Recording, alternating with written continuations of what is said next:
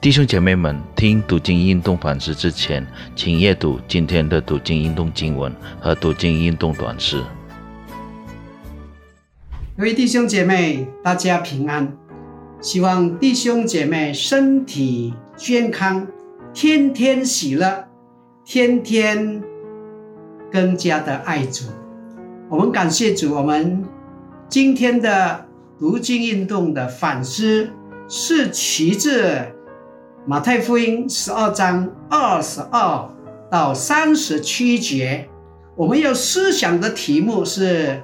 亵渎圣灵，在还没有啊思想之前，让我们一起低头，我们进入祷告。天父上帝，我们谢谢你，给我们有机会来读经，来思想神的话语。我们实在需要你的话语来滋润我们的心田，来引导我们前面的道路，好让我们越走越亲近神。越走越爱神，越走越走越明白神的心意。求你赐福这个时间，我们恭敬的交托在你大人手里。我们将祷告是完全的奉靠耶稣圣名求，阿门。在还没有思想之前，我们先读马太福音十二章三十一到三十二节。所以我告诉你们。人一切的罪和亵渎的话都可以得赦免，唯独亵渎圣灵总不得赦免。反说或干犯人子的，还可得赦免；唯独说话干犯圣灵的，今世来世总不得赦免。亲爱的弟兄姐妹，亵渎圣灵。究竟是什么意思呢？若要明白这句话的意思，我们第一步必须明白主耶稣为什么说这一段话呢？他这一段话是指做什么人说的？要清楚知道这件事，我们必须将这一段经文从这个头到尾仔细好好的读。主耶稣感触。这个鬼医好一个又瞎又哑的人，正是一个铁石般的证据，证明他是神的儿子。若不是因心不肯悔改，断没有理由可以不信他。所以众人都惊奇说：“这不是大卫的子孙吗？”注意众人所说的这句话。这句话应当译作：怎么非是大卫的子孙吗？他们说这句话，表明他们因着看见耶稣所行的神迹奇事，看出来他是弥赛亚，大卫的子孙，就业中立是一员。耶稣是从大卫的后裔出来的。所以称耶稣为大卫的子孙，是承认他是从神所差遣来的基督。一般普通没有很多知识的人，看见耶稣所行的神迹，都这样的感动。那么那些做民众领袖的法利赛人，应当怎样呢？他们明白就业远过于一般的民众。他们听到的了解力也远远超过于那知识肤浅的平民百姓。不用等到看见耶稣行神迹这件事，他们就应当信服他。谁知他们现在看见耶稣所行的神迹，不但不信，反倒站在一边嗤笑主耶稣，说耶稣是靠着。鬼王别西卜赶鬼，可想他们的心硬到了什么地步？一个人不明白的时候不信，那是情有可原的；明白了以后，当还没有得做清楚、明显的证据的时候不信，那也可以原谅的。如今不但完全明白，而且见了铁石一般可靠的证据，到了这个地步，不赶快悔改信服，已经是刚硬到极点了。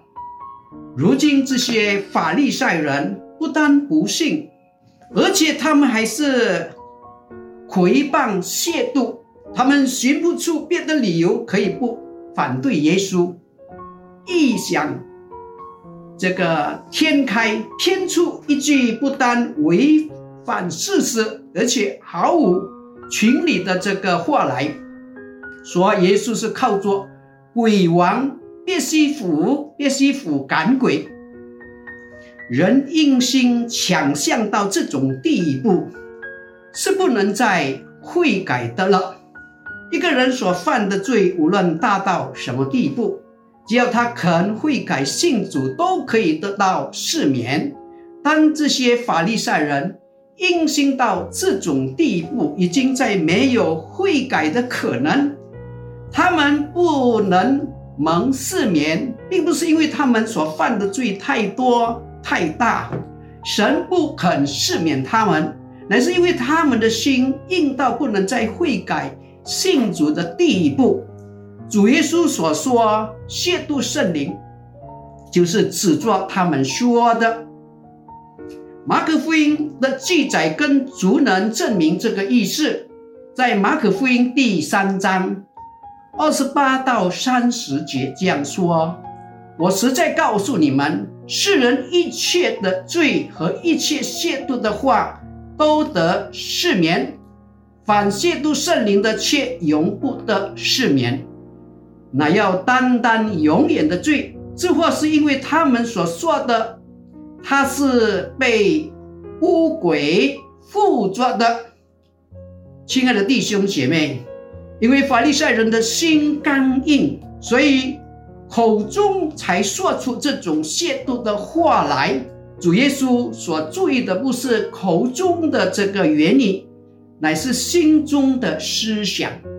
众人所看见的不过是法利赛人口中所说的话，主耶稣却看见众人所看不见的法利赛人刚硬的心。耶稣知道他们的意念，所以他才说出。这一段话来，一个人在明白真道之后，若是故意犯罪，却经常持久性的犯罪而不悔改，这也是亵渎圣灵的举动。这样的人乃是消灭圣灵的感动，给魔鬼留地步。反过来说，只要一个人肯悔改信主、认罪。求是，他一定没有亵渎圣灵的罪。不论一个人从前怎样抵挡真道、反对基督，说过什么亵渎的话，只要他先经肯真心悔改，求主拯救，他便可以蒙赦免得救恩。亲爱的弟兄姐妹，我是一个蒙了恩的信徒。不谨慎跌倒犯罪了，或是离开离去了主，只要他宣君肯为主为这个为罪忧伤，归向他的主，那边人可以像以前一样蒙主的悦纳，得主所赐的福。我们是基督徒，就应该在至圣的正道上造就自己。在圣灵里祷告，保守自己活在神的爱中，求神赐福我们。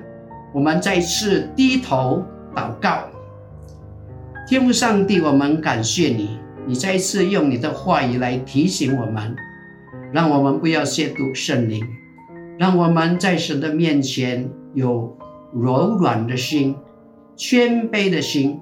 如果我们有得罪神的地方，我们在原理上亵渎神，亵渎神的工作，让我们谦卑认罪悔改。你是满有怜悯慈悲的神，你会赦免我们的罪，只要我们肯谦卑下来，认罪悔改。求你保守我们的心，胜过保守一切，因为一切的果效都是从那里发出来。求你带领赐福我们，我们这样的祷告仰望神，是完全的奉靠耶稣圣名求，阿明。亲爱的弟兄姐妹，愿神赐福你们，带领你们前面的道路越走越光明。再见。